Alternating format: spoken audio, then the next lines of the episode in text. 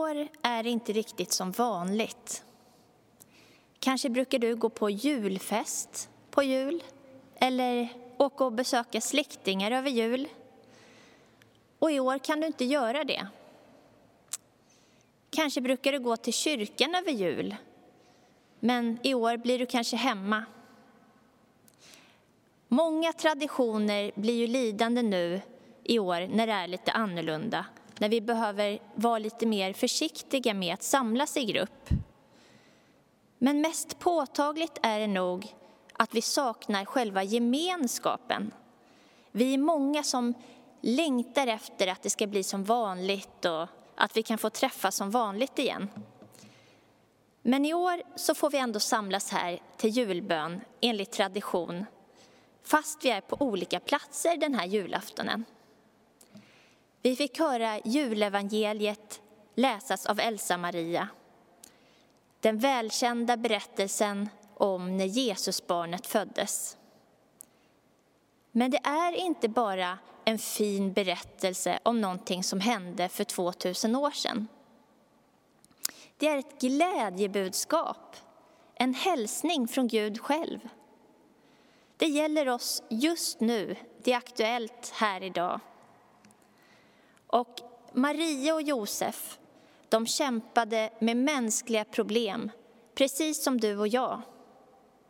De var tvungna att följa de statliga bestämmelserna och skattskriva sig och gå de där milen till Betlehem trots att Maria var höggravid. Det fanns ju inga bekväma färdmedel heller. Man kan ju bara föreställa sig den där vandringen.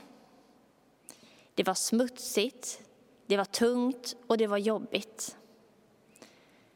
Och när verkarna kom och Maria skulle föda, då fanns det ingen bekväm säng med rena vita lakan. Nej, mitt i smutsen, mitt i all enkelhet, så valde Gud att komma till oss genom att födas som människa och lindas i en krubba. Och vilka var de första som fick höra det glada budskapet? Det var herdarna, vanliga, enkla arbetare. Först blev de livrädda. Men det stod ju plötsligt en ängel framför dem. Men ängeln hade en hälsning från Gud. Var inte rädda. Jag bär bud till er om en stor glädje för hela folket. Idag har frälsaren fötts åt er. Han är Messias. Idag har frälsaren fötts åt er, åt oss alla. En frälsare betyder en räddare, en hjälpare.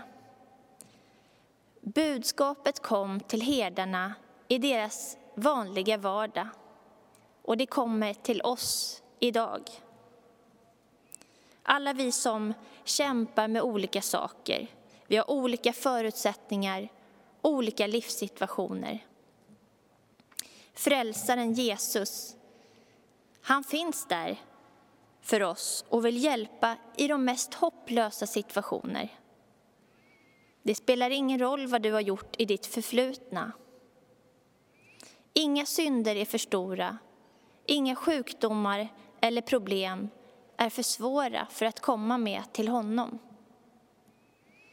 Han hjälper oss igenom när det stormar omkring oss, när vi upplever ensamhet, ångest och svåra tider. Men vi får inte glömma bort att han finns här i vår alldeles vanliga vardag, i vårt vardagsliv och vill ha en relation med oss. Och trots att vi är ett så sekulariserat land så är jultiden och julafton någonting speciellt. Oavsett om du kallar dig för kristen eller inte. För många människor så är veckorna fram till julafton någonting som är fyllt av förväntningar som vi har på oss själva om hur julen ska bli, alla klappar som ska köpas, allt som ska fixas och hinnas med, vilka som får vara med och fira jul och att eh, släkter och familjer ska hålla ihop och hålla sams.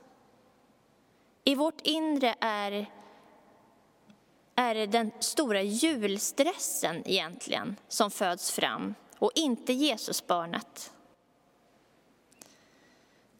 Men i år så blev vi tvingade att liksom tagga ner lite. Vi har shoppat mindre, vi har undvikit fester och samlingar och vi har försökt att hålla oss hemma.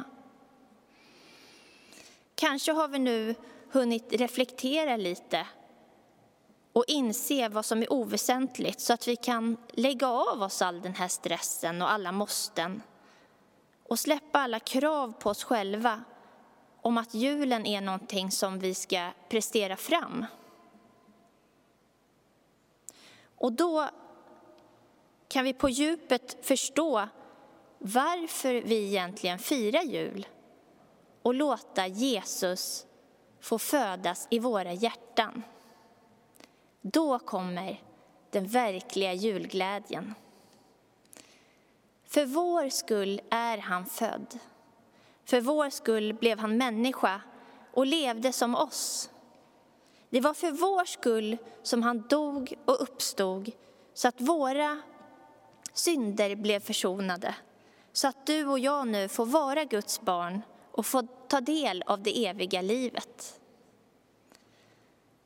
Och jag uppmanar er alla att ta till er ängens ord från vår Herre. Var inte rädda. Våga släpp in Jesus på allvar i ditt liv. Inte bara på högtidsdagar eller på söndagar, utan i hela din vardag. Det är då vi kan bli räddade och befriade från tunga bördor och få uppleva en ny glädje i livet och få uppleva Guds frid som övergår vårt mänskliga förstånd. Men hur ska Jesus få födas i mitt hjärta idag? Öppna din bibel, ta del av alla löften från Jesus. Skapa relation genom bönen. Och jag tror nu mer än någonsin att vi behöver värna om gemenskapen som vi har med varandra. Att dela Jesu kärlek till vår nästa genom att finnas till där för varandra, för våra medmänniskor och inte låta någon bli ensam eller bortglömd. Kan vi inte träffas på samma sätt just nu så kan vi ändå hitta sätt att uppmuntra varandra på olika sätt. Vi kan ringa, vi kan videochatta, vi kan be tillsammans, kanske träffas på en promenad. Och vi behöver aldrig vara ensamma eller oroliga när vi har Jesus. Han är den som stillar stormen och kommer med friden och glädjen. Jag är med er alla dagar, säger han. Ja, vi ber denna julafton att Guds frid som övergår allt förstånd ska bevara våra hjärtan och tankar hos Jesus Kristus så att vi får en fridfull och glädjefylld jul. Amen.